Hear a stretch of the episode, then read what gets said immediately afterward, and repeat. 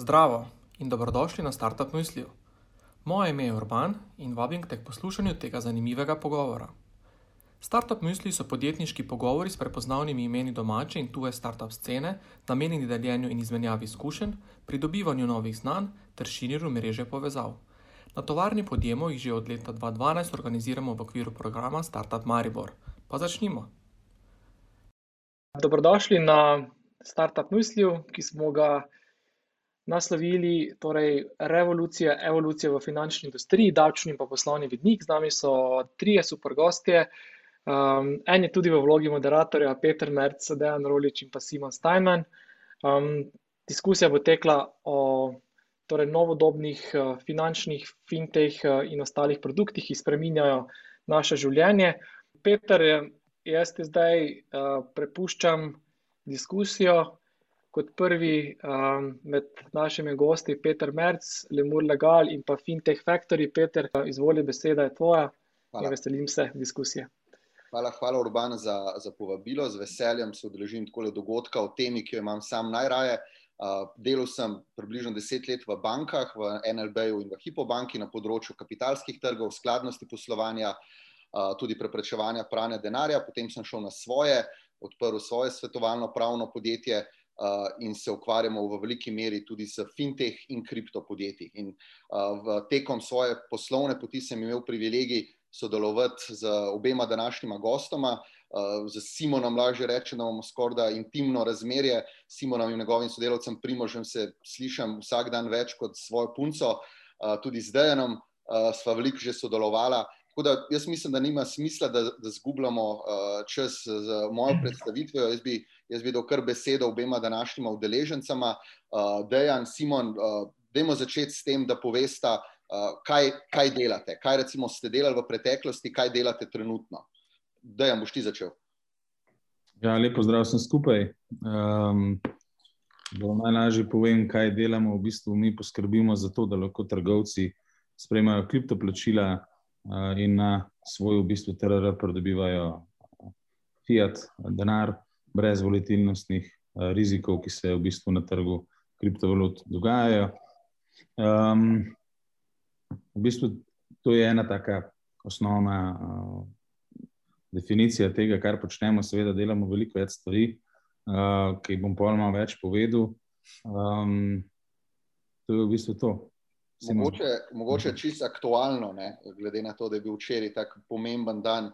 Uh, vaša, vaša rešitev temelji na, na kako si rekel, kriptoplačevanju. Vi ste nek most med kripto in, in tole tradicionalno industrijo. In včeraj je Elon Musk uh, izjavil, da, da je Tesla investirala 1,5 milijarde v Bitcoin, ampak še tisto, kar je po mojem zate pomembnejše, da je izjavil, da bo Tesla sprejemala plačila v kriptovalutah. Jaz, jaz bi rekel, ti mi povej, kako si ti to videl. A je to en tak najboljši mogoč proof of concept, ki ste ga včeraj dobili od Elona Muska? Ja, v bistvu bilo je bilo dobro, eh, predvsem zato, ker Elon je, je tak um, vizionar, uh, predvsem pa executor. No? Noben ne verjame, da bo kakšno stvar sploh realiziral, pa mu vsake znova rata. In nam je lahko vsem uh, en tak velik, uh, ko bi rekel, gol, ki ga mi moramo doseči. Uh, ja, bil je lep dan, no? zelo lep dan, uh, sam po sebi, ampak to je, to je ena taka stvar, ko mi že tri leta zagovarjamo. Ne? mi verjamemo, pač, da bo kripto eden od plačilnih metod, verjetno nek alternativen uh, payment metod, um, ampak da bo tam. In Elon je se točno, ko je avtomobile začel prvi prodajati online. In sploh nisem imel nekih salonov, da bi jih lahko iskal, razen teh showcaseov, se je tudi na ta uh, segment prvi podal. Tako da bomo videli, kako bo to izgledalo. Za nas je sicer zelo zanimiv. Um, on ima že našo prezentacijo, z njim smo se že pogovarjali. Uh, v enem okvirju, njihov bivši CFO je tudi naš advisor, bil nekaj časa. Tako da smo kar uh, par stvari naprej porinili, vem, da tudi prihajajo v Slovenijo. Uh, je pa spet compliance v ZDA v tem konceptu, kar mi delamo, je, um, ni toliko na naši strani, tako da mi smo bolj v Evropi močni, uh, v ZDA pa po moje bitpay. Tako da bomo hitro videli, kdo bo v bistvu to priložnost uh, dobil in kdo bo iz tega znal narediti. Uh, najboljši biznis. No, je pa to začetek in uh, lahko tega zdaj le, tale move, po mojem, ne bo zadnji, no? tako da bo tega kar še zelo veliko leto. Škoda, da vas ni včeraj v Uni objavil, da še nekaj šteka v kripto. To bi, to bi pa bil, to bi pa bil boom. Uh, Simon, ja. kaj, pa, kaj pa dela Ambils? Veš, kaj mi je bilo všeč, ko si dal tole fotografijo.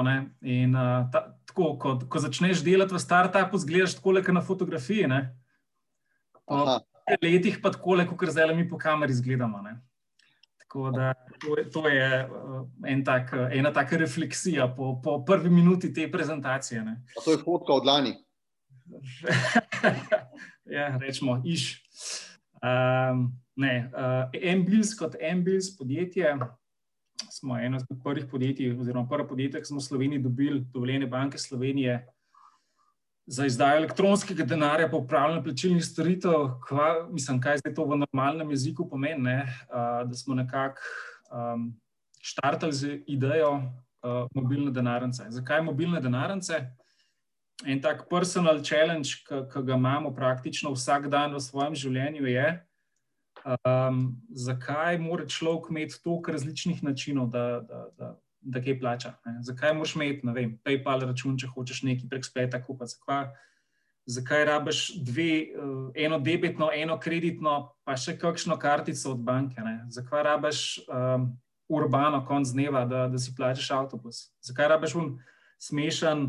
Žetonček, ki greš na kavomat v službi. Um, zakaj rabiš gotovino konc dneva? Ne?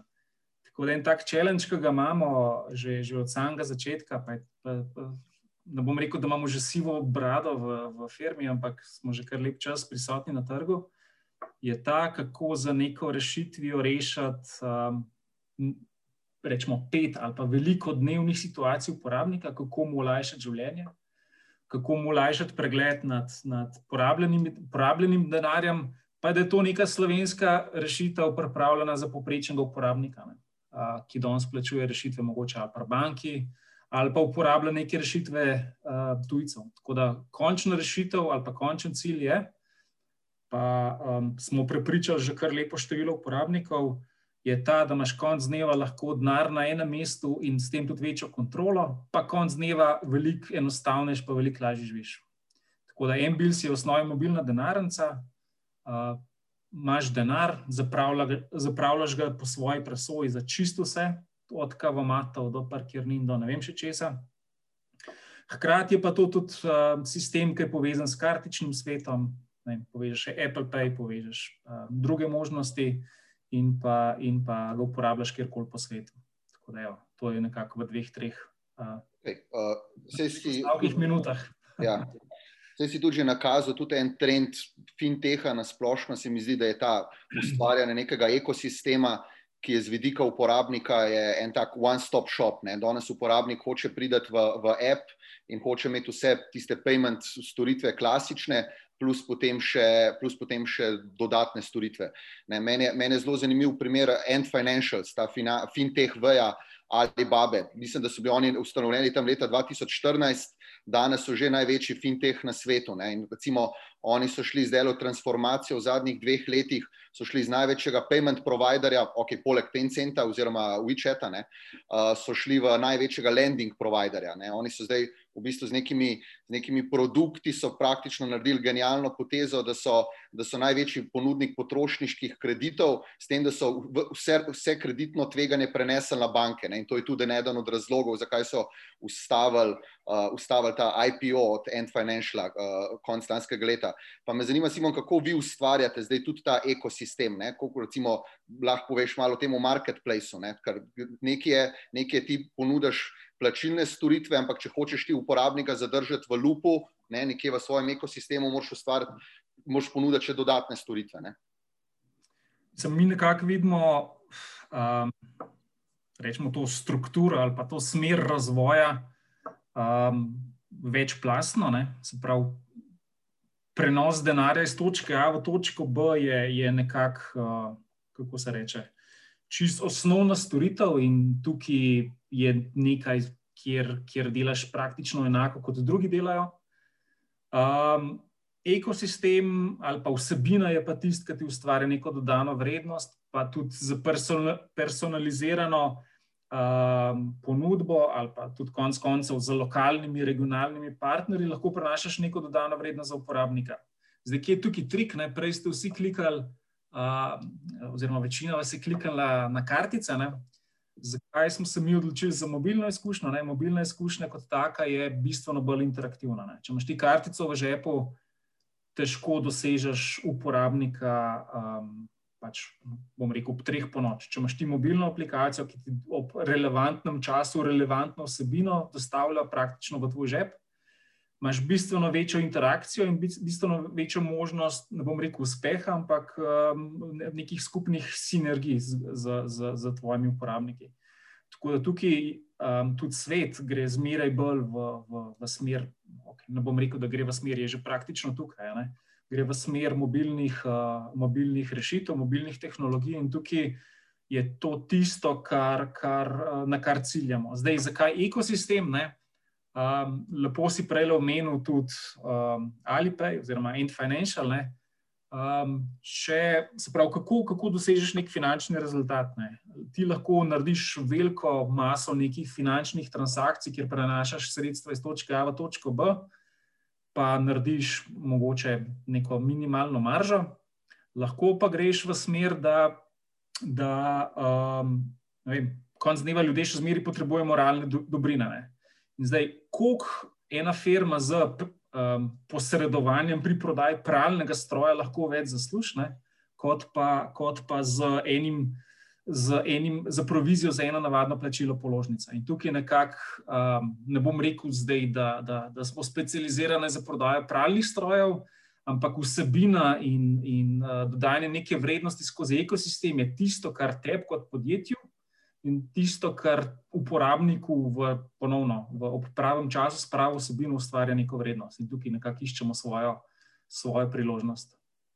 Okay, konkurenčna prednost. Da, vi imate pa malo drugačno logiko, če se ne motim, pa me popravim. Tudi, tudi verjetno v delu podobno, ampak uh, enkrat smo se pogovarjali, da ste imeli en uh, lasniški vstop v eno banko, potem vem, da ste investirali v, v Lab4Pay, ki dela nek tak univerzalni pos. Uh, skratka, vi pa gradite nek ekosistem tudi z nekimi uh, uh, akvizicijami oziroma z nekimi vstopi v start-upe. Pa nam juci, da nam začel govoriti prej. Ja, um, zadeva je taka, da pač mi smo začeli kot kriptopodjetje in sicer z svojim, svojo denarnico, ki je bila kriptodenarnica, s katero si lahko instantno plačeval v kriptu, tudi v Bitcoinu, kar v bistvu preko neke enakostove denarnice sploh ni možno.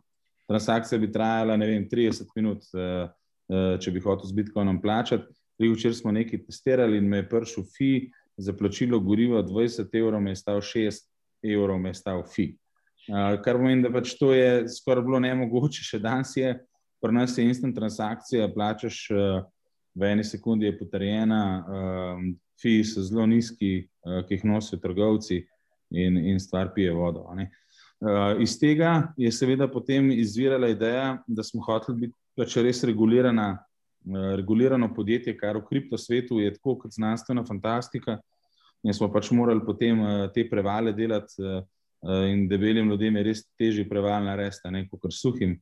Uh, tako da uh, mi je bilo kar, kar kompleksno vse tole. No. Tako da mi smo tudi v procesu pridobivanja uh, imani licence. Um, tudi, uh, pač, uh, naprimer, akvarali smo 9,9% ene nemške banke, ravno zaradi tega, da imamo potem tudi ta banking del pokrit v Nemčiji.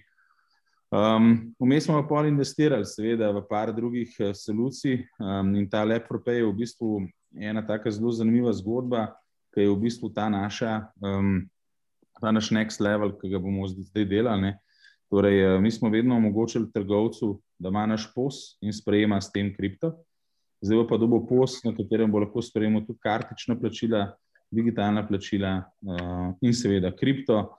Vmes bo pa lahko vem, tudi izdajal karte, imel gor blagajno, vse v enem devajsu. Uh, in uh, s tem v bistvu vstopamo v nek tak trg, uh, kjer mislim, da smo najdeli en sweet spot. Um, in tukaj mislim, da tudi z MBLC seveda sodelujemo kar dobro, uh, že na integraciji narejena. Tako da mi pokrivamo predvsem te prve štiri trge, se, smo se mi kot Eligma fokusirali na Romunijo, Avstrijo, Švico in pa uh, Anglijo medtem ko naš partner Lepropej na Balkan. malo smo si morali to porazdeliti, ker čas je naš največji sovražnik in zaradi tega smo rekli, da imamo tako investicijo speljati in nam ni niti trenutka žal.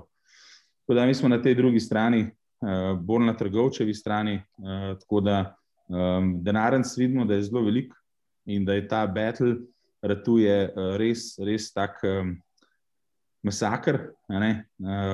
In tam na diferencijaciji je zelo težko uh, zmagati, uh, lahko pa zmagaš, če si lokaliziran, kot je naprimer Embils trenutno, pa sem siguren, da bo tudi šel kam v tuje države, ampak tukaj lahko v bistvu več dosežeš, kot jaz vidim, ne napram N26 Revolutu uh, in vsem možnim drugim uh, uh, walletom, ki so zunaj. Ne bom sploh govoril o mega epih, kot so Alipay pa WeChat Pay.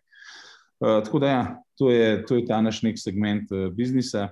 Eh, seveda, vmes izgubljamo ogromen ali pa dajemo ogromen denarja tudi v AB testinge. Eh, vmes smo, naprimer, izdali aplikacijo Gurenc, eh, ki ima par sto tisoč uporabnikov.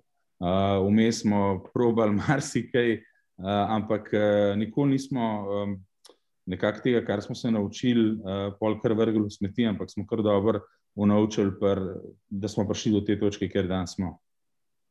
Okay, Umenil si tole licenco, zdaj mene, jaz kar dosti spremljam to področje. In recimo, ko pogledaš v, v Sloveniji, Simon, da me popravi, mislim, da koliko tri, tri imajo to licenco, A1, Telekom, pa, pa Embils trenutno. Uh, oziroma, oni, slo, oni imajo uh, Payment Institution, imajo, ne? A1, če se ne motim. Mhm. Kratka, potem pa pogledaš Litvo. Ne? Litva jih ima pa po mojem 250, ne? pa država pa ne vem, po velikosti tam tam.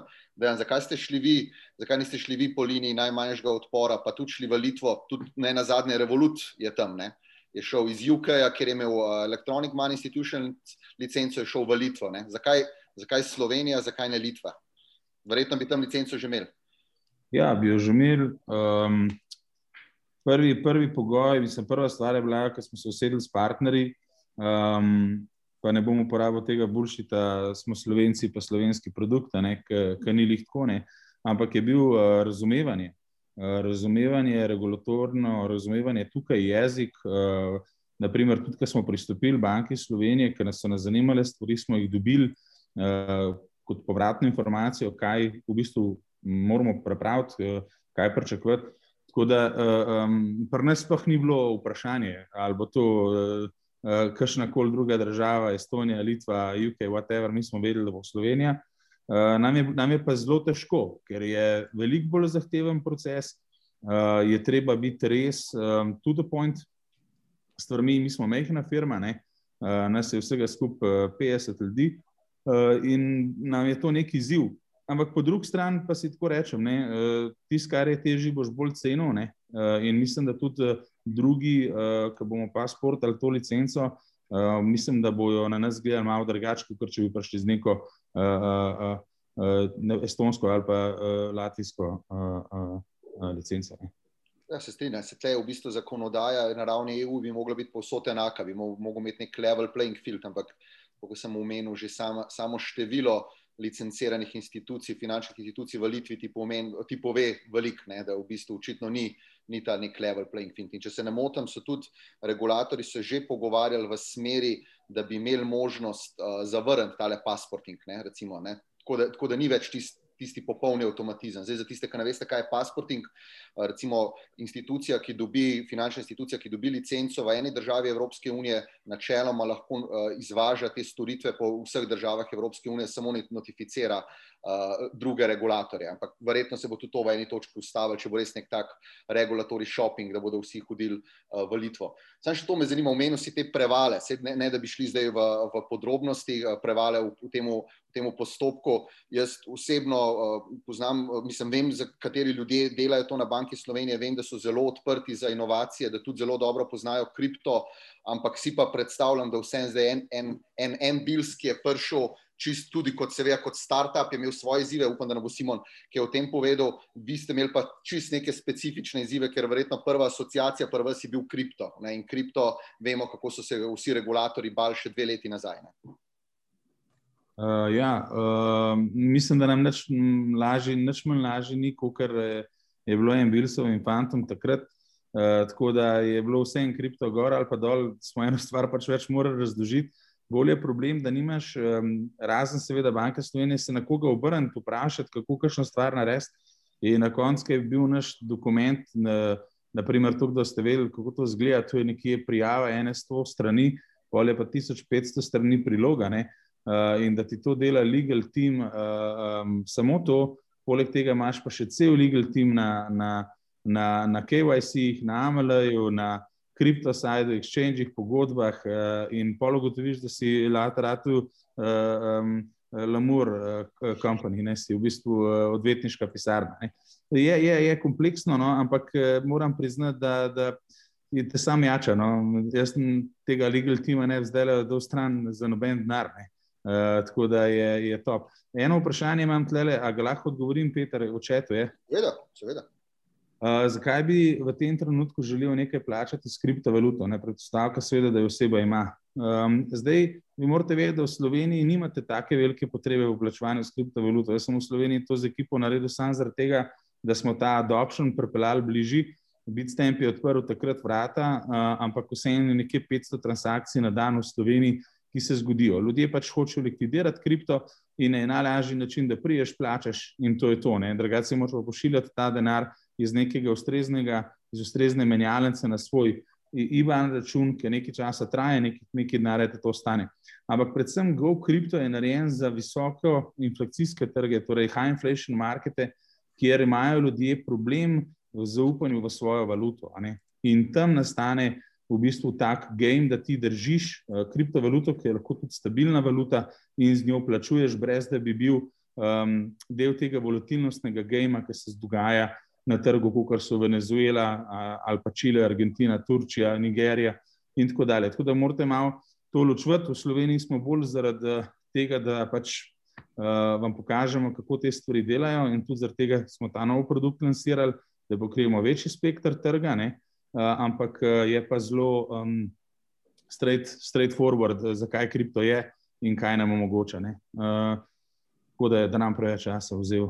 Ne, tudi, jaz mislim, da si ti že prej dobro povedal, da, da kripto ne bo izpodrinil zdaj nekega tega fiat, klasičnega denarja, bo pa neka alternativa. In jaz, jaz poznam kar veliko ljudi, pa tudi v Lemurju smo že sprejemali plačila v kriptovalutah. In, in očitno je to predvidel tudi naš FURS, ki je, by the way, tudi zelo napreden regulator, kar se tiče kripta. In je mislim, da že ne dve, tri leta nazaj izdal prav mnenje uh, glede tega, kaj če prejmaš plačila v kriptovalutah. Tako da meni se zdi to, nekaj čisto normalnega in mogoče ja, v tem trenutku to še ni nek tako mainstream, predvsem spet zato, ker so se te neki stablecoini, ki so dejansko tisti ohranjevalci vrednosti, so se pojavili, uh, so se pojavili zdaj, ne pred kakšno leto, dve, koliko, koliko so zdaj, da se te stablecoini, da so ratali popularni, no, mogoče malo mal več, kakšni. Ja.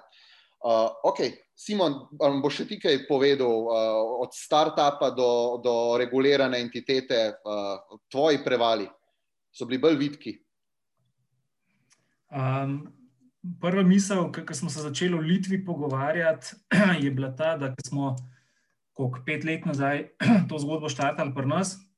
Takrat Litve praktično ni bilo na, na, na obzorju ne, kot, kot nek ekosistem. Takrat je bil. Um, in tudi statistično gledano je, je bila Anglija ali pa UK tisti, ki je, ki je prevladoval z številom fintechov, število imanj institucij in tako naprej. Sprav, um, potem, z, zaradi Brexita, praktično se je ta val uh, med, med različnimi državami nekako valil, no? uh, ampak dejansko en tak, se mi zdi, tudi poslovni model, ki ga je centralna banka Litve, Litve vzpostavila pa ni, pa ni zanimiv samo za regulirane, za regulirane entitete, ampak tudi vem, za navadna podjetja, bi jaz temu rekel. Central banking as a service. Ne? Se pravi, ti lahko kot podjetje danes pri centralni banki neposredno odpreš, odpreš uh, računa. Um, tako da oni so, jaz dojemam to zgodbo z Litvo, da so se oni nekako želeli uh, pozicionirati za to storitvijo in tudi želeli izkoristiti potencial Brexita na, na tem trgu. Kar se tiče naše, naših prevalov, um, ne bom rekel, da, da, da ni bilo challenging, ampak uh, je bilo generalno gledano, mislim, da imamo dobro sodelovanje z Banko Slovenije. predvsem pa zaradi tega, ker um, tudi, ko se pogovarjaš, ko raziskuješ, ko odpiraš nove stvari, pač uh, dojemaš to kot ne, ne bom rekel partnerstvo, kako on z dneva je, je, je, so on, oni nadzornik. Ampak v, v fazi tega odkrivanja poskušaš iskati rešitve, ki so spremljive za obe strani. In tukaj se mi zdi, da smo najdel dobrega sogovornika. No.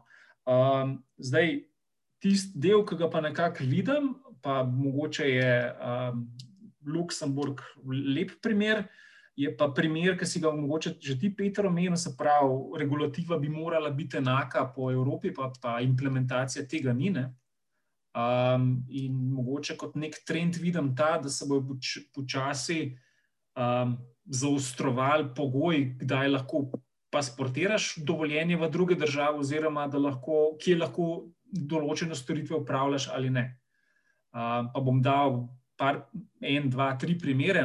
Um, omenili ste že dva ponudnika, Revolut ali pa Number 26, ki smo mi sanjali o možnosti, da bi lahko v Sloveniji slovenski ponudnik delal video identifikacijo. Ne? Ni bilo šanse, da, da Kitajska, um, oziroma so oni z lahkoto to v Sloveniji počenjali. Um, potem, ko gledaš, uh, gledaš okay, um, malce bolj kako se reče, dolgočasna tema, ampak v Sloveniji imamo davko na finančne transakcije ne, um, v, v kar lepem deležu. Tako da to je nekaj, kar, nekaj tazga, kar mogoče ni relevantno za druge, pa mogoče spet um, na, na nek način um, okolje, ki destimulira ali pa, ali pa na nek način um, ni, ni izenačeno. Potem, ko se pogovarjaš s kakšnim angliškim partnerjem, ne, pogledaš to odprto bančništvo v, v, v, v Angliji. Ne, in vidiš implementacijo neke dobre ideje na dober način v realnem okolju. Ker vidiš, mi imamo namreč tudi, tudi po, novi, uh, po novi regulativi to možnost, da lahko pač dostopamo do bančnih računov, ne, s soglasjem uporabnika, seveda. Ne. Ampak je proces ali pa implementacija neke direktive ali pa, neki, ali pa nekih uh, zadev bistveno, bistveno bolj, bolj uh, komplicirana. No. Tako da um, Ampak, če, če damo te stvari na stran, generalno mislim, da, da biti del lokalnega okolja je, je, je pozitivna stvar. Um, biti del lokalnega okolja je tudi odgovornost, ne, da ne tako kot ne vem, um, tele globalni ponudniki, da, da, da, da sam. Um, kako se reče, scratch the surface, ne, da sam pobereš 5, 2, 3 odstotke celotne populacije, ampak da si bolj temeljit, ponujaš rešitve za poprečnega Janeza Novaka iz, iz Pucancev in, in, njemu, in njemu ponujaš rešitev. In konc dneva, tudi če si, pač, saj, kar se tiče Embilsov, no, um, če si lokalno prisoten, lahko tudi temu, temu bolj primerno um, uh, vrednost takemu uporabniku pač, uh, dostavljaš. Ne. Tako da tukaj je ta lokalna ali pa regionalna prisotnost se, se mi zdi, da je tudi v dobi teh uh, globalnih ponudnikov še zmeraj, še zmeraj prednost kot taka. No. Zdi se mi dobro, da si uh, izpostavil tole AML področje. Verjetno se bo tudi Dejan strinjal s tem, da, je, da tlele, tlele je bilo, tle so bili slovenski fintehi v bistveno slabšem položaju kot vsi tuji. Uh, glede samega načina izvajanja. Zdaj, vem, tisti, ki malo bolj pozorno spremljate, v letošnjem letu, v prvi polovici letošnjega leta, ne bi bila sprejeta na ravni Evropske unije uredba, ki bi urejala zdaj ta pravila in uredba, vemo, da je neposredno izvršljiva, to pomeni, da bo, da bo vela takoj brez neke potrebne implementacije v zakon in ta uredba ne bi zdaj postavila ta level playing field. Ne. Recimo, tle je zelo, zelo, zelo zanimiv primer uh, Luksemburga, ki je bil tudi omenjen, ne vemo, Luksemburg uh, finančno. Finančna nebesa, sploh zdaj je ena afera. Bodo začeli, mislim, da danes so začeli odkrivati novinari, kdo vse ima tam račune, kera podjetja. No, in recimo v, v, v Luksemburgu je v, v zakonu piše načini, na, možni način identifikacije strank, in potem je tudi ena taka zelo generalna klauzula, da lahko tak je zavezanc izvaja pregled strank tudi na druge načine, če za to obstaja tehnologija, ki zagotavlja potreben nivo varnosti. Ne? In v bistvu ti da tle res dejansko ti že sam zakonodajalec predvidi vse, vse možne tehnološke rešitve, ne, tudi z selfiji, tudi z uh, drugo tehnologijo, ne, ki, ki, s katero lahko ti uh, identificiraš uporabnika. In to je spet neka taka uh, konko, velika konkurenčna prednost, recimo enih uh, fintechov, ki imajo sedež v Luksemburgu in ki, ki so zavezanci za izvajanje ukrepov. Uh, preprečevanja pranja denarja po luksemburški zakonodaji. In še en zanimiv uh, tak primer se mi, se mi zdi, ne vem, Simon, uh, pa da je mogoče veste, koliko klikov vidva pr, pri vas rabijo uporabniki, da pridejo od začetka do odprtja računa. Ne? Ker enkrat je bilo neka primerjava, sem videl, vse mislim, da sem vam poslal, ne vem, kam vse sem poslal, uh, ne vem, Revolut, da ima 15 klikov, en, en 26, 22 in potem banke pa neskončno več. In tle se mi zdi, ravno to je spet, ne? večina teh klikov bi jaz rekel, ta user experience, ne, na katero so uporabniki tako zelo občutljivi, je rezultat uh, zakonodaje. To ni uh, rezultat tega, da en fintech ne bi bil sposoben zmanjšati tega števila klikov. Ja, kar se tiče števila klikov, mislim, si lepo, si lepo opisal primerjavo, ampak uh, enkrat smo delali, ampak to bo že dolg časa nazaj primerjavo, koliko. Koliko korakov je potrebno do tega, da on bordaš uporabnika pri enem konkurenčnem ponudniku, ali pa pri Ambilsih in je bilo ena, razmerje ena proti tri. No. Um, točno zaradi teh razlogov. Zdaj, kako popečenemu človeku um, um, pač, uh, nekako, ne bom rekel prepričati, ampak kako mu nor, z normalnim jezikom obrazložiti, da je pač, ne, to, da moraš državo rojstva pobrati, da to je pa res. Uh, vitalen podatek za, za, za, za uporabo storitve Ambils, to je un challenge, ki ga imamo. In, in, in, um, ampak, ok, um, to, to, to, to je downside, no? ali, ali pa, pa, pa da se ne bomo sam, da se ne bomo sam pritožvali. Na, na, stran, na drugi strani bi pa tudi tako rekel, no? pravi, danes, da, da, da ti narediš neko mobilno aplikacijo, pa dodaš kartico noter, pa neko vsebino, ni, ni tako težko, še posebej, če si lociran v, v UK-ju imaš specializirane ponudnike, ki ti odpirajo IBAN-e, specializirane ponudnike, ki ti ponudijo, ki ti ponudijo kartično procesiranje. Tako da konc dneva je bolj vprašanje, kje je, kje je tista dodana vrednost. Uh, konc dneva imaš firme, ki ti AML ali pa KYC, pač, ki jim outsourcaš. Konc dneva je vprašanje, s čim se boš ti diferenciral od vem, bank, uh, revoluta. Uh, da, da ne grem v, v, v, v smeri klarne in podobnih stvari. No, bolj je to vprašanje, na, kje, boš, kje boš iskal svojo priložnost na trgu, v, v um, okolju, v katerem deluješ. Zdaj si mi dal dobro istočnico za naslednje vprašanje, Simon. Umenil uh, si konkurenca bankam in tako naprej. Dej ti povej, iz, uh, ti si insider, uh, lej, vi ste začeli kot, kot startup, dejansko si ti sredi tiste uh, vojne uh, uh, neobanke oziroma fintechi proti old school bankam. Kako si ti, recimo, videl uh, zdaj uh, ta, ta boj zadnja leta? Ne? Kako so zdaj, recimo, banke pospešile z svojimi mobilnimi denarnicami, celo druga največja banka ima ime mobilne denarnice, zelo podobno vašemu, bi rekel, tako da evo, ste ratelj že nek uh, benchmark ali pa role model. Nekako, evo, veš, to, to, smo, to smo brali lahko, kako so zdaj se banke, te velike banke imajo sicer neskončno veliko denarja, ampak pomankanje domišljije in, uh, in, in inovativnosti in na drugi strani pridajo te challengeri, uh, neobanke in hočejo izpodriniti tiste ta stare oziroma postaviti pravila igre na novo. Kako si ti, recimo, to videl. Ker ste se na začetku pojavili, verjetno vas tudi banke slovenske niso neki resno jemale, pa recimo danes je malo drugačna slika. Ja, največjo napako sem naredil, ker sem šel avto registrirati. Ne. Jaz sem pol Štajerc, en bil se začne na MB ne, in sem dobil ljubljansko registracijo. Ne. Tako da, um, uh, ne, malo mal za hec, malo za šalo. Um, v, kar se tiče neobank, ne, en challenge, ki ga, ki ga vsakmu dam, k, s katerim se pogovarjamo, pa, pa uporabljajo enega izmed drugih nebančnih ponudnikov ali ponudnikov neobanke. Ne. Vsakič vprašam človeka, ok, fino, fajn, da imaš en bilsa, da imaš, da imaš uh, Revolut, Number 26, pa še 20 drugih ponudnikov. Um, povej mi samo, imaš pri slovenski banki bančni račun. In velika večina, ali pa 50% jih reče, da, da ne. Zdaj, zakaj je to tako? Jaz mislim, da konc dneva še zmeraj rabiš stanovanjski kredit. Ne? še zmeraj rabiš kakšen depozit, še zmeraj ti mogoče ni vse en, da, da je tvoj denar v tujini, ampak da je v Sloveniji.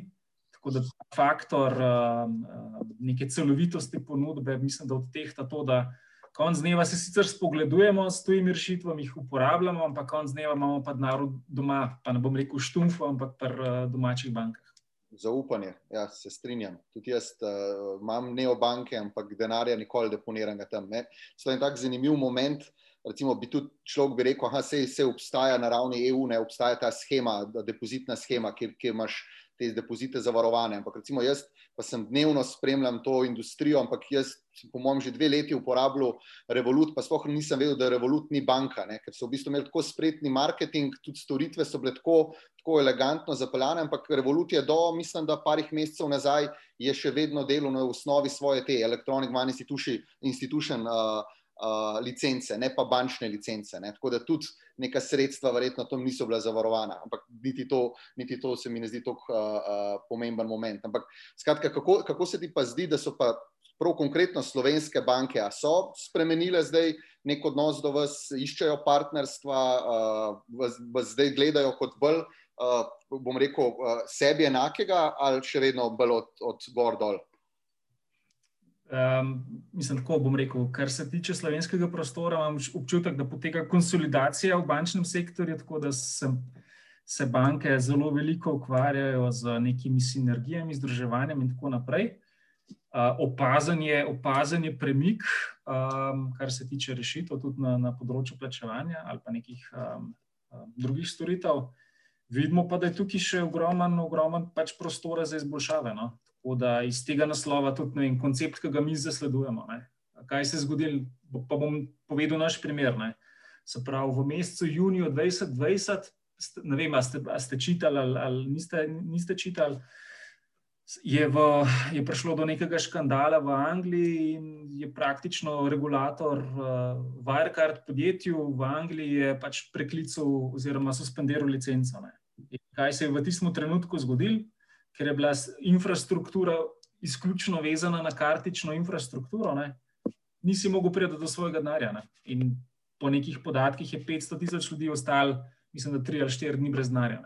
Koncept, ki ga imamo mi, nekako je ta, da ne baziraš samo na, na karticah, ampak ponujaš uh, tudi v osnovi neko, neko drugo storitev, spravo storitev da lahko tudi priješ do gotovine, če želiš, um, ali pa da, da, da plačuješ s kartico.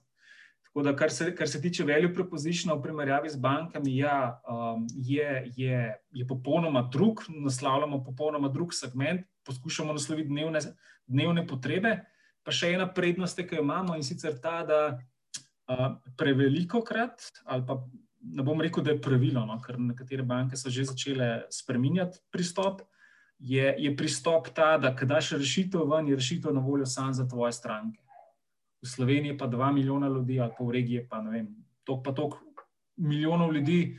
In, in ko ponuješ svojo rešitev sam svojim strankam, je, je izplen omejen. Tako da iz tega naslova mislim, da, da je pristop ali pa logika popolnoma drugačna in posledično tudi, tudi rezultati. No. Okay. Dejan, uh, vi ste danes smo že večkrat slišali, da so prepleteni z kriptom, seveda blokčen tehnologija. Uh, nasplošno me zanima te najnovejše tehnologije, ne, ki se zdaj na polno implementirajo, ne samo v fintech, ampak tudi v.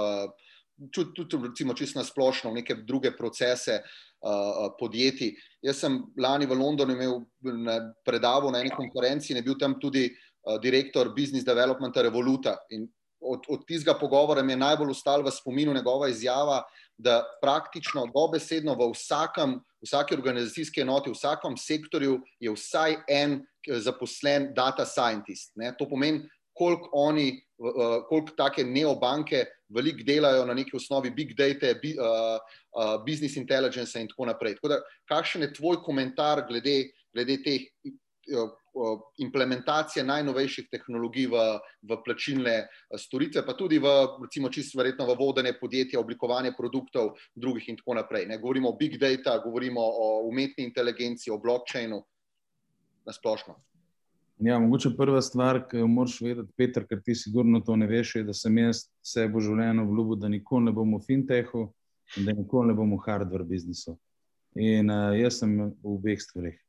Uh, in uh, fintechu pa zaradi tega ne, ker je precej kompleksna industrija. Uh, in tudi, ko jo hočeš nailati, rabiš leta, da v bistvu nekako začneš parirati, ali pa da si vsaj regulatorno uh, um, pravilno postavljen. Uh, in, um, in tudi, da razumeš, kdo ki je pije in kdo ki je plača. No, zdaj rečemo, da mi razumemo zdaj osnove uh, finančne industrije, kot jo zdaj poznamo, to, kar je seveda nam vidno. Uh, ampak pa, pa pride tukaj blockchain. In tukaj imamo mi dva DeFi in new, new era of finances in tako dalje. In uh, oba dojeva, kaj pa res je tam hardcore complexity. Ugotovimo, da v bistvu ta kompleksnost, ki jo mi poznamo v finančni industriji, je piece of cake. Napram, ko pogledamo, kaj mi delamo zdaj na blockchainu in kako v bistvu ljudje delajo interest rate med 30 in 50 odstotkov na let, samo držijo stablecoine. Pa, by the way, to ni noben uh, advice, da karkoli gre kdo delati uh, um, ali pa je vlagati ali karkoli. Sam hočem povedati, kako je to drug svet. Ta svet je um, res čist drugačen. Vice, da je early stage, vice, da ni pravilno ali pa ustrezno še reguliran povsod po svetu. Um, in zelo, zelo, zelo je kompleksen. Uh, naprimer, jaz sem obupu uh, v to, da bi en average Joe, ki je lahko star 20 let ali 25 let, razumel, kako v bistvu blockchain pa ta financial segment res deluje. Uh, pač obupu sem nad tem, nad tem uh, prepričanjem. Tako da, ja, glede date, data je osnova za um, decision making ne, uh, v, v našem podjetju. Uh, če data reče, go left, we go left, če data reče, go right, we go right. Uh, ampak zato moraš imeti tudi veliko denarja, da skozi ta AB testing delaš in moraš pač te napake vedno spremenjati vse v, v, v pridane. Uh, AI je, je tisti final level. Ne? Mi par let nazaj niti nismo dobro razumeli, kaj je AI sam po sebi. Vedeli smo, kaj, o čem se govori, ampak ti prideš in izdeluješ produkt v tej smeri, je pa to nekaj čist drugega. Ne? In imaš ti predtem uh, en kup uh, drugih tehnologij, ki jih prvo moraš usvojiti, od big data, clean data, uh, pol od machine learninga in potem še bolj naprednih procesov, pa vse do pol AI. Ne? Tako da, ko mi kdo danes reče, AI, si, si spomnim par let sebe nazaj, ker sem mislil, da sem uh, vse razumel, pa pač nisem. Uh, in, uh, in, in isto velja v, v fin, finančni industriji, ki je treba skozi učiti. Um, da bi pač povezoval stvari. Hvala Bogu, obstoječa je precej uh, ista vsa ta leta. No? Uh, tako da se ne spremenja neki uh, ogromno okoli tega, ampak tole na blockchainu, pa tole, kar se dogaja s kriptom, je pa absolutno, maybe too much uh, za, za average človeka, da bi razumel, kako to deluje. Uh, da, uh, in jaz upam, da bo tako tudi ostalo, ker drugače uh, bomo mi imeli, uh, po moje, generalno na svetu en velik problem, um, ker se boste potem te dve industrije teple, kar pa ne vem, kako se bo šlo. Bomo že sistemsko tvegane. Ne, jaz bi s tabo se ne bi mogel bolj strinjati, recimo na tisti DeFi, uh, to je decentralized finance, uh, neke decentralizirane finance, veliko se govori o tem, tudi je bil letos en hype. Uh, tudi jaz sem ene parkrat si že sprintal white paper, recimo za MakerDAO, ne, pa nisem prišel dleko do druge strani, pač ne razumeš. Pa, pa, za, pa ne bi šlo za nek usporedni svet obstoječim financam, tradicionalni industriji z, z podobnimi produkti, ampak tako da je neko zelo, zelo uh, hiter se zgubiš noter. Uh, Simon, kaj pa tvoje komentarje? Koliko imate vi data scientistov? Ali pa koliko jih iščete? Imamo manjšo ekipo kot, kot uh, od, od sogovornika. Zdaj, kar se podatkov tiče, to mora biti nekako axiom, se pravi, tako kot je dejan lepo rekel. Ne? Če podatki reče levo, moraš iti levo in, in desno, desno. Istočasno pa ne bi želel ignorirati, ignorirati elementa, um, ne bom rekel, igranja, ampak testiranja, pivotiranja, uh, eksperimentiranja. Tako da, če, če um, naprimer, pa, pa en praktičen primer iz današnje videokonference. Ne. Na začetku je bilo vprašanje, kako vas plačuje, kako plačujete. Ne. Mislim, da je bilo sedem od, ajde, od dvanajstih za, za kartico. Um, bi, bi človek rekel, fino. Ne. Um, um, um, ne. Kartično poslovanje je tisto, v katero moramo iti. Ne. Pa pa pogledaš, kakšne podatke od Evropske centralne banke, ki pa okay, dve leti nazaj je raziskala, da je še zmeraj 80% gotovine v Sloveniji, ne? ali pa, ali pa greš gledati procente v, v, v, v, v uh, Nemčiji, kjer je tudi gotovina zelo prisotna. Tako da, ja, kar se tiče tega dela, absolutno pomemben. Um, nekako pa bi pa istočasno želel podariti, no, da, da um, biti bit lokalno prisoten, pa biti blizu ljudi, pa pa se imeti možnost pogovarjati v, z, z uporabniki, je tiskati konc dneva, mora dati nek EQ, um, EQ um, nek, neko. Neko, um, nek, neko dodano vrednost, da tudi potem uh, na podlagi tega svoje, svoje rešitve oblikuješ konc dneva moš malo testirati, malo, malo probavati, hitro se opečeš, hitro ti uporabniki direkt povejo, če kaj ne, tako da um, podatki ja, uh, ne pa vedno. Ok, uh, vprašanje za oba oziroma mnenje. Takrat, ko še v mojih časih NLB, to je, mislim, da sem zaključil tam 2014, smo bili enkrat povabljeni v London na Royal Bank of Scotland in tam so nam pokazali en tak primer, kako si šel na bankomat, in si vdel kartico noter, in si v bistvu potem imel različne finančne produkte, med drugim tudi kredit. Ne? In ti si tam ti je v bistvu že algoritem od zadaj izračunal tvojo kreditno sposobnost, koliko si imel uh, depozita, kredita, če si bil, če si bil uh, plačilno discipliniran in tako naprej. In potem ti je uh, bankomat sam zračunal, oziroma seveda algoritmi od zadaj ti je sam zračunal tvojo kreditno sposobnost in ti povedal, to kredita lahko danes digneš. In to je bila vesoljska znanost takrat. Je, evo, recimo v Sloveniji so bili te avtomatizirani hitri potrošniški krediti, mislim, da zdaj kakšno leto, pa pol, mogoče dve, ali pa da ne, ne bom delal bankam krivice, ali pa tri. No. Skratka, ampak je bilo par let zaostanka. Kakšno je vajeno mnenje glede, glede stanja finteha v Sloveniji? Pa, ok, mogoče finteha ali pa širše, tudi bančnih storitev. Kdaj boš ti začel? Um, ja, uh, ne vem, takrat, ko ste šli, kaj, sem jaz slišal, da ste full whisky spili. Tako da jaz ne vem, kako je sicer ti zgledal. Ne, hecam se. Uh, Lej, sej, je meni je bilo zanj fascinantno, ko sem prišel na banko in sem moral en polog denarja narediti, in je bila vrsta 15 ljudi. In uh, to je bil en tale Merkator, če klele prebeta cev. In sem šel na bankomat in sem rekel, ajde, bom pritisnil polog denarja, se mi ni modil, da on ti znar imel na računu. In ni, pri, ni, ni prišla ven kuverta. Ker jaz sem bil navaden, da si ti nekdaj to kuverto, pa z zalimu z jezikom, pa si neki nodal, ne, pa, pa čez tri dni sem imel denar gor. V bistvu jaz sem dal noter denar, ga je preštel in mi ga takoj pokazal na TRR-ju.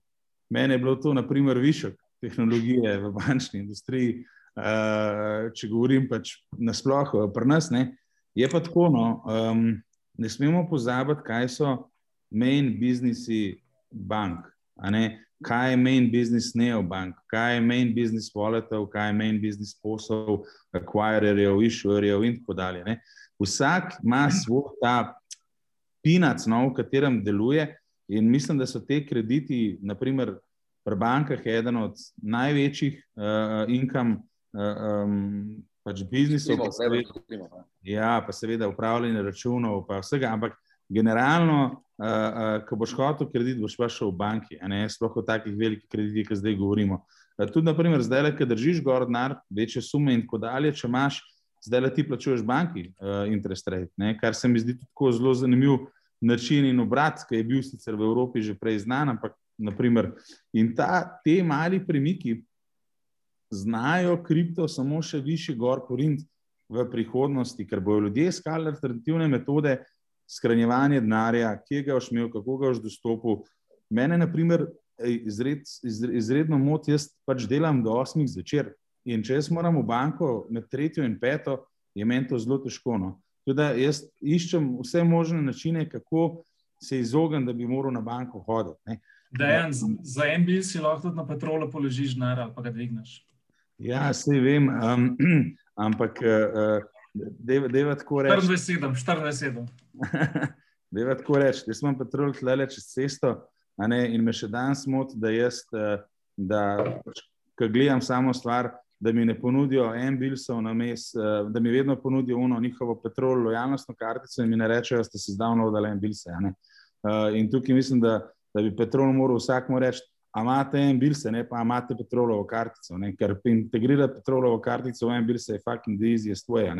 Uh, tako da, um, ja, lej, fante, sej, vi ste itak uh, totalno, a ne, tam, kjer morate biti. Jaz samo pač hočem povedati, govorim o tem nivoju banke. Ne. Tako da, lej, ni vprašanje, ne o banking bo v svojem segmentu pograbil to, kar je banka prejmela, banka bo pa obstala tam za krediti stvarmi, ki jih bo oni ponudili trgu, ki jih druge pač ne boš dobil. Uh, Limpet je Peter, eden od teh konceptov, tudi ki ti ponuja ne, in ti hitro pogleda to kreditno sposobnost. Uh, imajo sicer neki risk, sigurno, ampak imaš obročno plačevanje. Uh, zdaj imajo banke, zdaj imajo banke uno, da ti, da ti pogleda tam le uh, že v, za okencem, pa imaš dve minuti počakaš. Tam to je prišlo 2018. Ne? No, sej, ampak to bi bilo super, da je v enem bil sih nota. Uh, Zaradi tega, ker veš, to je en tak huge market, uh, ki je zdaj nastal s tem ne, in se ga splača uh, trgati uh, po koščkih uh, od konkurentov ali kako koli pogledam. Jaz ti tako, um, lej, mi smo v kriptu. Da govoriš, da je eno BNPL modelu, to je Klarna, ki je bila danes omenjena, Buy Now, Pay Later, to je zdaj, to je zdaj trend. Ne? Ja, uh, ja, pa ti zdaj lahko iz različnih računov vedno prikličeš ne vemo, koliko jih dneh za nazaj, skenaj ti trgajo denar. Sam vi morate razumeti, da v Evropi ali pa da v Sloveniji tega problema pač nimajo. To imajo američani problem, ki imajo deset kreditnih kartic, ki sploh ne ve, kje, ima, kje je zadolžen, kje ni zadolžena. Ne? Uh, jaz tega pač problema pri nas ta trenutek ne vidim. Pa... To, kar si ti omenil, to je Numbers, to je nemški fintech. Klarna je pa ta, ki ti omogoča ta BNPL, to, to v bistvu, ala, ala naš, uh, tale, ki si ga omenil, kaj se že, uh, to obročno plačevanje. Uh, sta dva full velika finteha. Različna, različna poslovne modele. Se pravi, jaz, jaz to ne spremljam, njih toliko, kar se tiče teh uh, loanov pa, pa kreditov. No? Um, ampak uh, ja, mislim, sam pravim, da, da tudi en bil, skokar je napreden, ima sigurno še ogromen čank teh potencijalnih revenue modelov, ne? ki lahko nosijo denar. Jaz sem en bil prvič in edinkrat uporabljal za plačevanje računov. Meni je to bilo noro, best, ne, nisem rabo iti na pošto. Um, tako da, uh, ampak uh, ja, zdaj pa, zdaj pa je že toliko advanced, toliko naprej. Ne. Simon, uh, mogoče tukaj vprašanje ena zate. Martina zanima, kako pa ima en bil shranjen denar, da ne plačujete negativnih obrestnih mer? Urban, da en Daniel, uh, ne da nam ljud, ki skače. Evo, Daniel? Ja.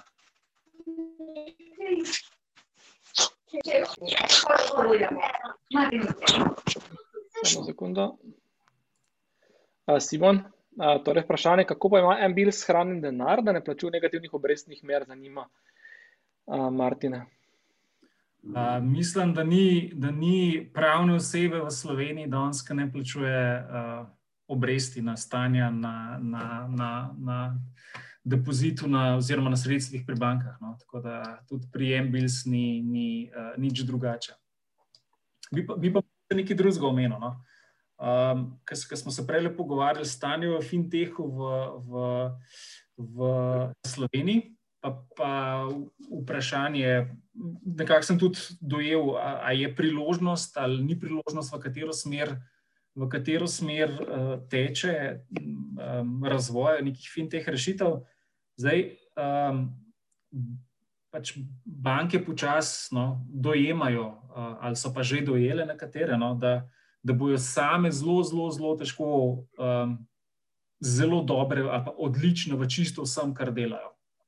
Tako da tisti del, ki ga vidim, pa ne samo v poslu, ki ga mi delamo, ali pa ki ga dela GoCrypto, ali pa ki ga dela Limpay, ali pa Tošal, ali pa drugi ponudniki, um, je, je potencial, se mi zdi, ogromen. In um, naslov tega dogodka je nekako revolucija, evolucija ne, v finančni industriji. Dojemam tudi to, um, da, da tudi v, v, v smeri tega odprtega bančništva predvidevam, da bo zmeraj več povezovanja z nekimi zunanjimi, uh, zunanjimi ponudniki nekih storitev, pa ali je to na plačilnem delu, ali je to na kreditiranju na prodajnem mestu, ali je to ta buy now, pay later model, ali je to vem, upravljanje osebnih financ, ali je to neke čist analitične podatke, ali je to AML. Pričakujem bistveno večjo decentralizacijo posameznih procesov v, v finančni industriji. In tukaj tudi te zadeve, ki jih, ki jih GoCrypto dela.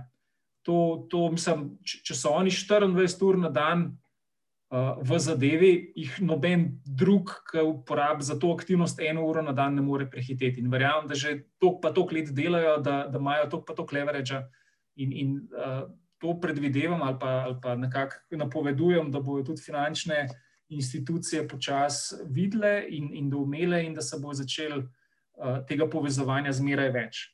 Kar se pa našega posla tiče, pa ja, um, sprav, z nekaterimi bankami imamo, imamo boljše izkušnje, z nekaterimi, z nekaterimi jih nimamo.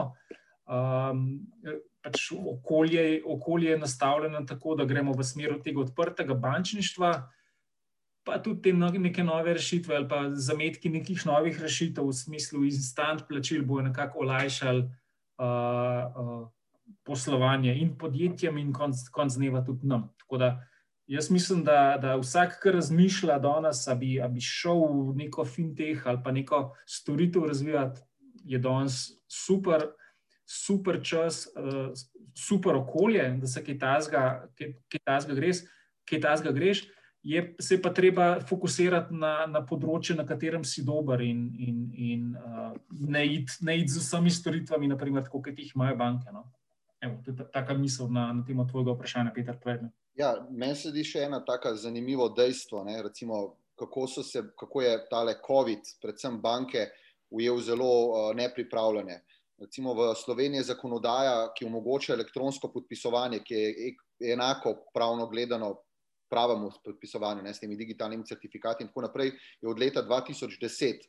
In jaz poznam dve banki, pa se ne bomo o imenih govorili, ki so imeli resne probleme z, z, z sklepanjem novih poslovnih razmerij z uporabnikom ali z odpiranjem računov ali pa za kakršne koli produkte, ker so seveda zahtevali uh, fizično prisotnost stranke pri podpisu. Torej, teh, uh, zakonodaja ti je omogočala popolno, popolno, proces, ki je bil popolnoma digitaliziran, uh, tehnologija ti je to omogočala, ampak vsem se, uh, vsem se na to nisi pripravil. Recimo, spet tudi danes sem en, en primer na lastni koži, odpiram še en poslovni račun za svoje podjetje in moram imeti jutri, ne vem zaradi kakšnega razloga, moram imeti fizično podpisati nekaj v, v poslovalnico. Ne. Tako, da, tako da so si v bistvu tudi mal banke same krive ali pa, ali pa, ali pa res podcenjujejo uh, tudi te spremenjene navade uporabnikov, uh, ki se seveda danes dogajajo, ne, ki se hitro dogajajo. Uh, tako, zdaj, uh, Še eno vprašanje, mogoče Peter, uh, v četu je eno zanimivo vprašanje, jer ne. Uh, jer ne zanima. Torej, pred nekaj časa je ne bral uveljavljenih kripto in blockchain destinacijah, kot naprimer Švica in Malta. Malta je bila celo imenovana za blockchain otok. Govore je sicer bilo že v Litvi kot fintech destinaciji. Kako, torej vprašanje, kako gredo po vašem mnenju regulatorni trendi v svetu, katere vse države ste imeli v mislih kot eh, izhodiščno točko pri ustanavljanju podjetja? Evo, jaz lahko tle uh, verjetno pa, pa še Dejan za, za mano, verjamem, da je to tudi veliko študiral. Uh, zdaj, tako, velik, zelo veliko je v PR-ju. Uh, jaz sem delal z eno večjo stranko, ki je bil uh, iz Cuga, torej Kriptoveli. Ta cug ne bi bil daleč najbolj razvit. Uh, jaz preden sem šel prvič tja, sem mislil, da se Satoši na Kamoto tam sprehaja, Vitalik, Buterin, vsi, ampak potem prideš tja, vidiš, da imajo v bistvu zelo, zelo dober PR. Uh, vsi ti founderji, resni founderji, kriptofounderji so pa tam samo zaradi davčnega rezidentstva in pridajo dvakrat na leto tja predavati. Tako da v bistvu vse skup nič. Uh, še dva primera sta bila omenjena, Malta pa Litva, ampak tukaj je bila bolj Estonija. Tukaj je treba vedeti, da se je vsaj v preteklih letih to razvil kot nek poslovni model. Estonija je tak, tak dober primer. Estonija je vabila vsa kripto podjetje, da pridejo k njim in zdaj, če si ti hotel delati neko, uh, kakršno koli kripto dejavnost, si mogel dobiti lokalno licenco. Ne? In ta lokalna licenca je seveda stala neki. Ampak ta lokalna licenca ni licenca, ki bi jo recimo ti dobo v eni državi pa potem izvažal tudi druge. To, to kar smo se prej pogovarjali za te druge licence, to, kar je uh, GoCrypto oziroma Ligma zdaj pridobiva pa licenco, ki jo, ki jo MBIL že ima. Ne. To je bila čist neka lokalizirana finta, da so oni od tebe zvlekli še nek dodaten denar. In recimo Estonija konkretno je potem privabila res veliko podjetij uh, tja k njim, ampak so potem lani močno, močno zaustili zakonodajo in kar naenkrat si imel potem še veliko nekih skritih stroškov. Recimo, imel si, uh, mogel si uh, lokalnega direktorja, torej Estonca za direktorja postaviti, potem si mogel najeti lokalno pisarno, uh, potem si mogel imeti bančni račun odprt, prej ga ni bilo. Skratka, skratka vse je biznis. Ne? Tako da tle, kar se tiče zdaj tega vprašanja popolne jurisdikcije za neke kripto uh, kriptoprojekte, bi jaz rekel, da ni. Ker na drugi strani, recimo Švica, pa je precej napredna, ampak recimo, če si v Švici hotel biti regulirana finančna institucija, recimo izdajatelj elektronskega denarja, Švica teh zakonodaje za, za izdajatelj elektronskega denarja ne pozna. To pomeni, da spet, če bi dobil ti tako licenco v Švici, bi mogel še dodatno v Evropsko, eno od evropskih držav in ta, tako licenco tam dobiti. Tako da, tako da, tako da to, kar se je izkazalo, tudi na dober primer je bil Malta. Malta je veliko obljubljala, na koncu nič naredila. Tako da Slovenija je, kar se tega tiče, bi rekel, zelo, zelo top destinacija. Imamo, imamo bi rekel, predvsem slab PR.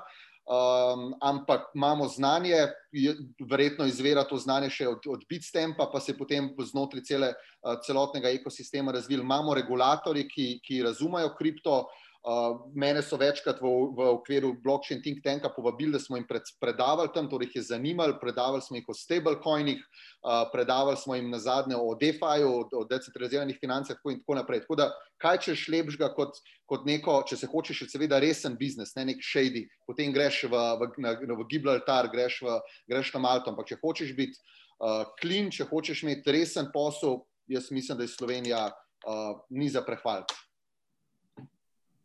Vse si povedal. Seveda, tudi so problemi. Ampak, ja. ampak si vse povedal, čistko je. Jaz sem na Malti sedel s premijem za mizo, ki mi je razlagal ne vem, kakšnih bajnih stvareh. Takrat smo mi že rekli, pozabimo mi Malta, tole bo vse en natek, tako rečen. Ampak ogromno projektov se je odločili za Malta in so zmetali stotine tisoč evrov tam, da bi to dobili. In smo jih samo spremljali in smo rekli, tole ne kaže nič dobrega, ko so po enem letu zamujali sandboxom. Um, in um, morate pa nekaj vedeti, vsi, ki greste v fintech, pa to vam bo tudi Simon pač potrdil. No? Uh, Moraš imeti denar. Fintech ni pocen game. Mi se lahko zdaj tle govorimo o nekih simple appih, ki jih boste delali, ja, da best. Ne? Ampak če greš v ta pravi fintech, če se greš prave regulacije, če hočeš biti big player, moraš imeti resources.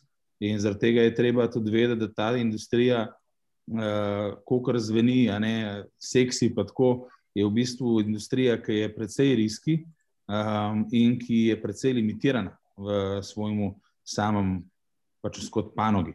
Plus, moraš imeti denar, ki ti ga nobene bo dal na lepe oči uh, na neko uh, idejo, ne? kot se je to nam zri, uh, zgodilo. Uh, tako da je treba, je treba to upoštevati, uh, uh, ko greš tako firmo uh, ustanavljati. Uh, Simon, ti povej, ne vem, evo, lej, se smo lahko iskreni. Uh, govorijo o milijonih evrov, uh, koliko je približno vas, pa seveda v neki normalni cifri, uh, ko jo lahko izpostaviš, koliko stane, uh, ali pa koliko vas je stalo, da ste prišli do tle, kjer ste. To glavno vprašanje, ki smo se ga mi x let nazaj spraševali, še posebej, če si, če si v retail poslu ne, in v retail poslu smo, ne, kaj prej, kura ali jajce. Se pravi, rabiš, ne vem, um, 100 tisoč prodajnih mest, ne, in bojo potem stranke sabe, same k tebe prihajale, ali rabiš 100 tisoč uporabnikov, zato da si ustvariš nek, neko kritično maso, ki, ki, ki, ki um, ustvari nek potencial. In mi smo relativno hiter, hiter, hiter dojeli, da, da, da rabiš v retail poslu, da rabiš kritično maso uporabnikov in, in to, ta ti ustvari potem potencial. Tako da. Um, Dobiti 100 tisoč uporabnikov v dveh, treh, štirih letih, uh, je, je, je zalogaj, pa eh, še posebej v tem, v tem uh, poslu, kjer smo mi, v, v tem poslu, kjer smo mi danes. Ne. Pa še posebej v tem poslu, ker vsi mislijo, da, boš, da bo vse brezplačno. Prav, da, ne, tako, pre, prej bilo vprašanje, ali so sredstva na, pri bankah uh, brez depozitov, pardon, brez, da niso brezstavana. Ne. Tako da iz tega naslova, ja, absolutno, absolutno je, je uh, to en del, ki je, bom rekel, kapitalsko intenziven, ali kako se lahko lepo uh, izrečem. Uh, Tisti, kar bi pa mogoče kot, kot priložnost omenil, pa da še zmeri ogromno, ogromno potencijala. Uh, zdaj, te, težko prideš verjetno do neke stopne samostojno in boš prej slej potreboval nek funding. Uh, ampak področja, kot je osebna identifikacija, EML, um, vem, poznavanje stranke, um, um, vem, tudi kar se tiče um, um, upravljanja. Um, Skoringa stranke. To so, to, to so neka področja, ki so danes na slovenskem prostoru popolnoma, popolnoma neizkoriščena. In tukaj, tudi ta pot, naprimer, ki jo Limpej na slovenskem ali pa v, v širšem okolju, ki, ki, jo, ki jo pelje, je, je fenomenalen prikaz tem, da tudi za neko, absolutno za zaledjem, ampak da z, neko, z, neko, z nekim novim pristopom ali pa z nekim, z nekim novim uh, načinom dela, da, da obstaja pri, uh, možnost, za, možnost za uspeh. Simon, kaj pa? Uh tako, en bil pred petrolom, pa uh, po petrolu. Ne, tisti, ki ne veste, en bil je bil koj, dve leti nazaj, eno let, ne, dve leti nazaj, kupljen uh, 100% ne, od strani petrola. Ja. Um, mislim, petrol kot petrol ti da ekstra busno, to, to je neizpodbitno dejstvo. Uh, če če moraš uh, primerjati, ali je bila prednost ali slabost, je absolutno prednost. Pa ne samo zaradi tega, ker imajo uh, dobro kavo, ampak tudi zaradi te fizične prisotnosti. No, to mogoče tudi zdaj v času koronavirusa ugotavljamo, da sicer lepo, da se slišimo prek digita, digitalnih kanalov, ampak fizična prisotnost je pa še bolj tako pomembna in ta, to, da greš lahko um, do, do, do nekoga fizično in vidiš, kje tvoj denar je, absolutno odtehta. Tako da z, z vidika pospeška in uspeha in tudi teh rezultatov, ki jih imamo, ki jih imamo trenutno, je bil Petrol absolutno dobro odločitev. Ja, se mi zdi ful dobra usporednica, zdaj ta bitka uh, Amazon kot spletni prodajalec, uh, Walmart kot, kot brick and mortar. Ne, sem bral v zadnjič eno analizo oziroma poslušal podcast Business Wars, da ne bi, da ne bi ravno te trgovine, fizične trgovine lahko prevesle ta dvoboj v korist Walmarta. Zato, ker seveda vsaka, vsaka taka trgovina je lahko ali nek, ali nek uh, izložba, ali nek delivery uh, spot, ali pa, oziroma pick, pick, pick point, ali kako se temu reče. Uh, skratka, zanimiv, ne? bi, rekel, bi rekel, da je tole breme, ampak na, na koncu te, te lahko pa nekaj tacga reši. Dejan, vi ste pa tudi, vi ste pa tudi že zaprli ene par rund, rund investiranja. Če se, če se prav spomnim, kdaj ste se mi dva pogovarjala, konc decembra ste jih zapirali eno, ne? Ja, na zadnje smo zaprli 4 milijone investicij, 4 milijone evrov investicij na 50 milijonov vrednosti firme. Um, da, ja. Ampak smo do zdaj le zbrali že kar lep, uh, denar, že lep, lep zalogaj denarja, od ICO-ta do dveh rund, po 4 milijone. Uh, samo morate vedeti, uh, 10%, 10 SET ene nemške banke je 3 milijone in pol. Ali pa, če hočeš pravilno se postaviti, so standarde, dobiti EML, eh, postaviti legal office med. Lej, ne, prideš, ne prideš pod uh, nekimi ciframi na let, uh, ki so. Ne? Uh, in jaz imam v esetih do znarja, torej v investicijah, ne? Uh, ki so, ne vem, v Leporpe ali tako dalje. Ne? Samo jaz si ne predstavljam, no, da bi moral iti v ta game z enim milijonom. Uh, preprost prvič se ne bi bilo to B2C, ker bi me full več stavil, kot ima, naprimer, Ambills, acquired uh, C-level uh, ali pa končnega uporabnika, meni full teži, kot na B2B. -u. Na B2B je direkten sales, je, je čist druga panoga, meni veliko bolj blizu, uh, na, na SIU pa nisem tako močen. Čeprav smo na Gorencu vem, v treh mesecih dobili 150 tisoč uporabnikov in imamo retention 85%. Ampak to, zmer, to je še zmeraj ni moj biznis. Torej, to je samo nek poskus, ki me zanima, kako bo deloval in je zelo lepa prihodnost tega. Uh, ampak jaz sem veliko bolj na B2B-u in tudi na B2B-u bom ostal, uh, ker imam feeling, da imam več šans na tem. Ja. Drugač pa je brez denarja, itak noben startup ne more uspeti. Mogoče samo eno stvar, če lahko. Uh, dolg časa sem razmišljal, zakaj en startup uspe ali pa en startup ne uspe. Uh, in zdaj, po tem, ko imamo ta traction, ki ga zdaj delamo, sta, so tri glavne stvari. Prva stvar, ki je najbolj pomembna, je, da imaš nor, noro ekipo. Torej, ekipo, ki tudi, če je šla na začetku napačno smer, da skupnimi očmi nekako priješ do tistega cilja, ker vidiš neko luč na koncu tunela. Ne?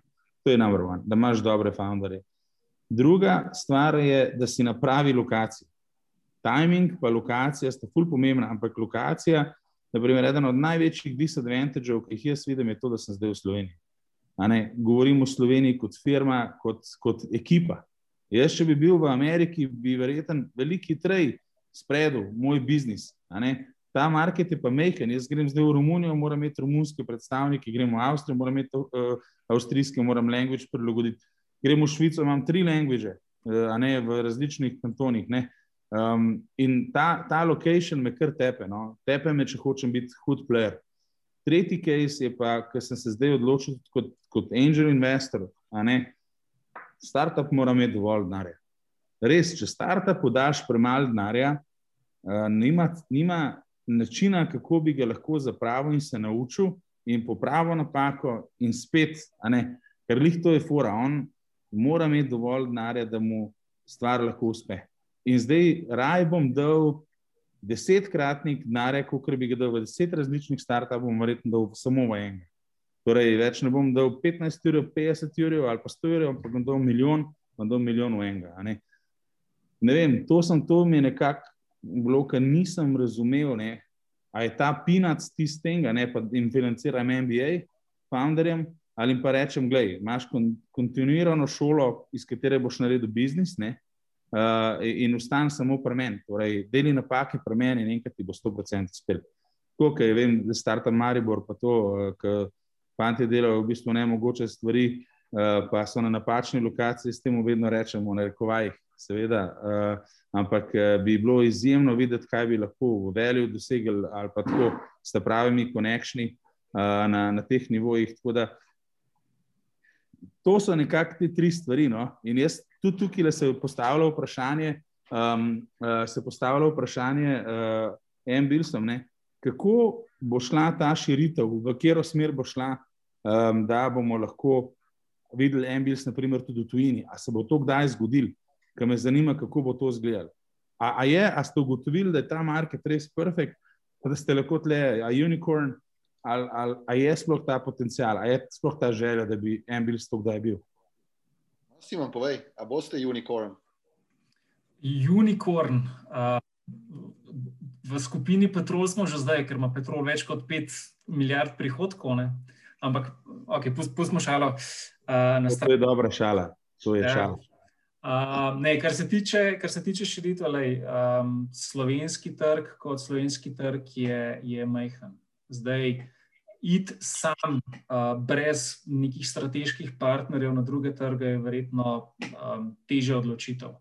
Uh, potencial, ki jo pa izkazuje ta regija, kot regija, je pa absolutno um, um, kot regija, je, kako se reče pod, uh, pod vrednotena in, in potencial, ki ga izkazuje, uh, rečemo, Adriatic regija, je, je ogromen. Tako da tukaj sam id v, v, v um, neke nove države je verjetno manj smiselna.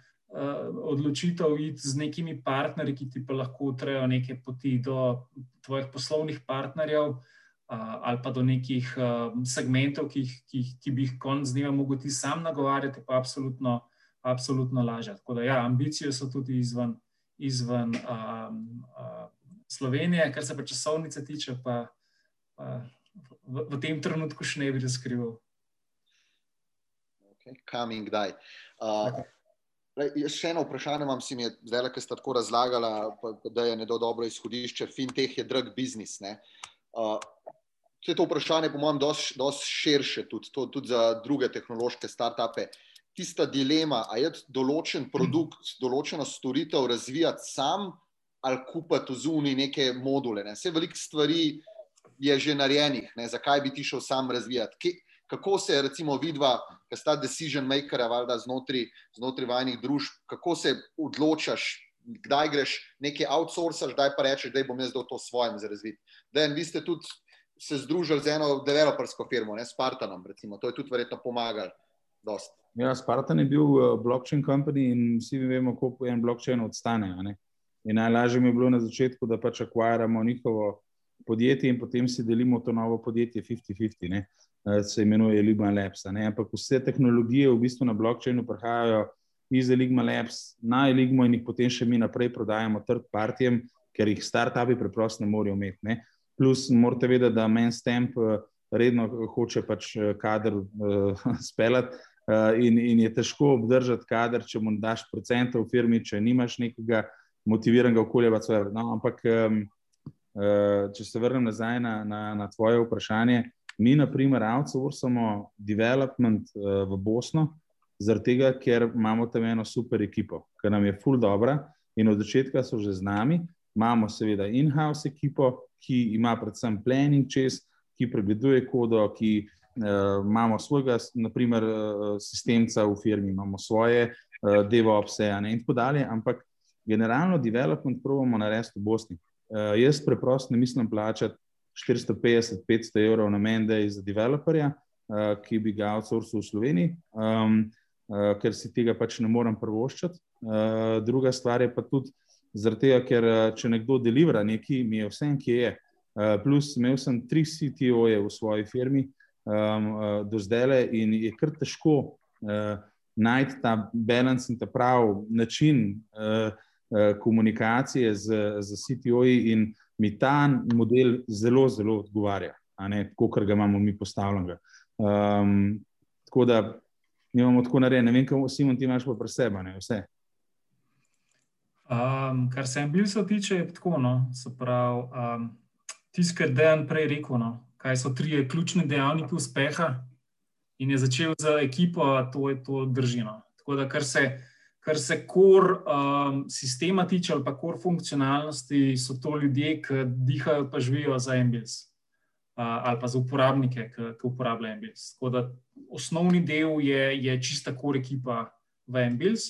So pa določene zadeve, določene integracije, določene um, aplikacije, ki, ki niso del kor ekipe, te, te, pri teh pa uporabljamo pač um, zunanje, zunanje partnere. No. Zdaj, kaj nam, kaj nam to omogoča? Omogoča nam to, da smo okay, um, v osnovi bistveno bolj fleksibilni. Se pravi, če, če ljudje dihajo, živijo, verjamejo v neko stvar, um, tudi, in če jim daš možnost sooblikovati neko končno rešitev, um, so zadeve ponavadi bistveno bolj, bolj uh, kakovostno in, in tudi z vika časovnice bistveno boljše narejene.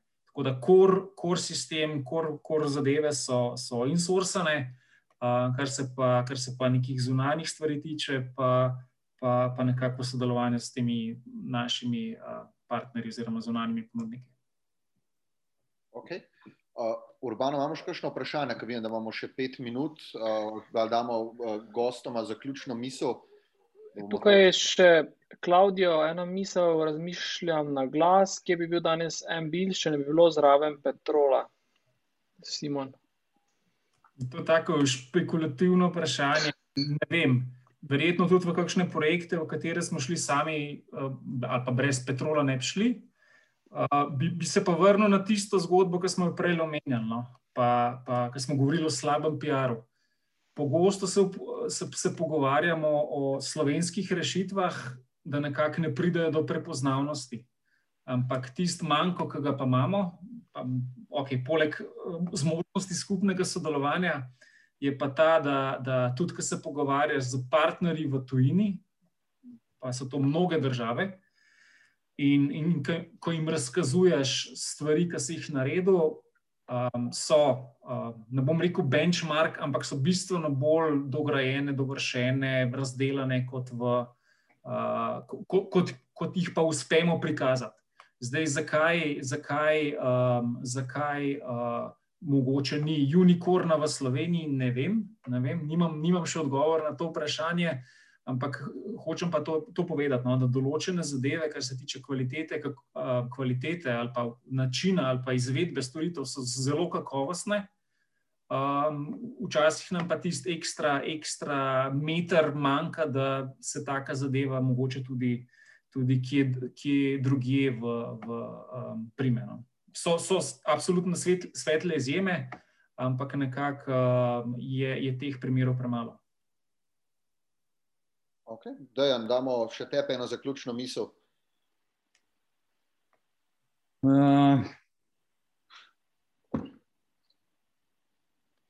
težko je biti startup. No? To bom rekel. No. Zelo, zelo težko zmagaš, na koncu bo sicer veliko naučil, ampak če greš res v to all-in, torej da, da there is no plan B, uh, je, je zelo, zelo težko. Zaradi tega, ker greš staviti vse, kar imaš v življenju v neki, da ti bo uspel. In ti sploh ne razmišljaš o tem, da boš zgubil.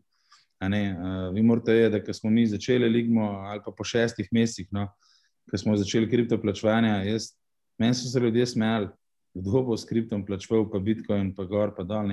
Bilo kar težko takrat, ampak smo bili neomajni, ko pride do tega in smo rekli, nekako nam bo ratali. Mi smo danes na desetih procentih. Torej, mi po vsem tem trudu, investicijah, konekšnih, ki jih imamo, znanju, dobri ekipi in vsega, imamo 10% šans, da nam bo uspel. In, ta procent niti za en procent ni višji. Uh, to pa samo zato, ker je toliko enih faktorjev, sreče, ki se ti mora tudi malo poklopiti.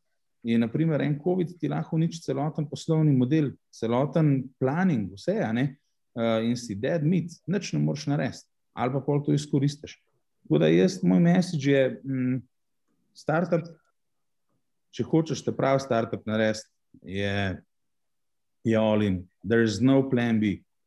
Samo to boš naredil in to moraš verjeti. In je dobro, da si vzameš pol leta časa in razmišljaš, kako boš to naredil, preden začneš ekipo sestavljati.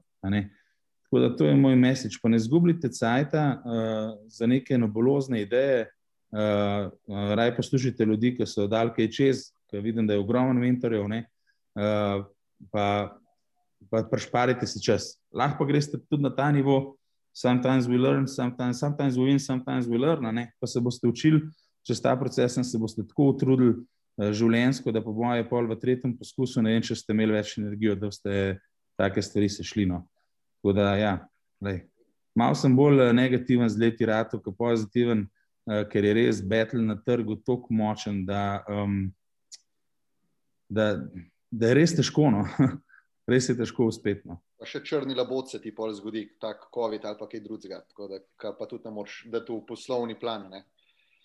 Ja, Redu, Urban, jaz mislim, da smo zaključili, da smo izčrpali temo. Jaz, jaz upam, poslušalci, da so slišali veliko novega, ali pa da smo, da smo pokazali eno širino. Uh, ko sem pripravljal danes ta vprašanja, malo izhodiščna, sem želel biti čim bolj širok, pa se mi zdi, da smo nakazali še nekaj takih mogočih uh, tem za naslednjič. Tako da, Urban, evo, vračam ti mikrofon, lahko me daš na mute. Super, hvala, hvala Peter, hvala Simon, uh, Dejan, um, super debata. Uh, jaz, jaz sem užival um, in pripričal sem, da tudi vsi ostali. Um, dragocene misli na sveti, um, ki sem pripričal marsikomu, um, da bodo koristili da se odloči za kakor korak, ali pa morda tudi, da se ne odloči, kar je tudi pomembno, seveda, da se uh, kritično vzamemo v obzir vse možnosti, ki jih imamo. Um, jaz vam želim uh, torej vse dobro na vaši poti, podjetniški uh, in seveda osebni. Um, zahvaljujem se vam za to udeležbo na tem večernem pogovoru. Še enkrat super je bilo, uh, hvala in uh, upam, da se vidimo ob naslednji priložnosti, če se le da v živo. Um, sicer pa tudi uh, naš. Uh, predrag podim, prihajam maja, tako da uh, tudi tam naredimo kako dobro zgodbo uh, in pripeljemo tudi ta dober glas uh, v Sloveniji. In to se mi zdi ena tako zelo dragocena, tudi misel, ki si jo ti um, na, na, na vrhu, Simon. In sicer, da, so, da imamo vrhunske rešitve, da pa jih včasih zmanjka tisti zadnji korak, da jih znamo ponosno in dovolj dobro predstaviti in se pohvaliti z njimi. Ne? Ta neka um, uh, slovenska, mogoče majhnost v glavi, ne, da se ne znamo, uh, tako kot mogoče američani, šopiriti uh, in pohvaliti. Ne, in tudi mogoče na tem delu je še nekaj, je še veliko manevrskega prostora. Ne. Um, in vsi, vsi vi za takimi super rešitvami tudi to malo prebijate, in um, zato smo vam vsi super hvaležni v ekosistemu. Um, skratka, hvala še enkrat vsem, vsem trem za, za današnji super pogovor. Uh, lep večer vsem in uh, se vidimo. Adijo. Ti je bilo všeč? Da ne boš zamudil novih epizod, klikni subscribe. Veseli pa bomo tudi tvoje ocene, komentarje in delitve, da za nas vedo še druge radovedne glave. Pobrskaj po naši bogati zbirki pogovorov, gotovo se v njej skriva še kaj zate. Se slišimo?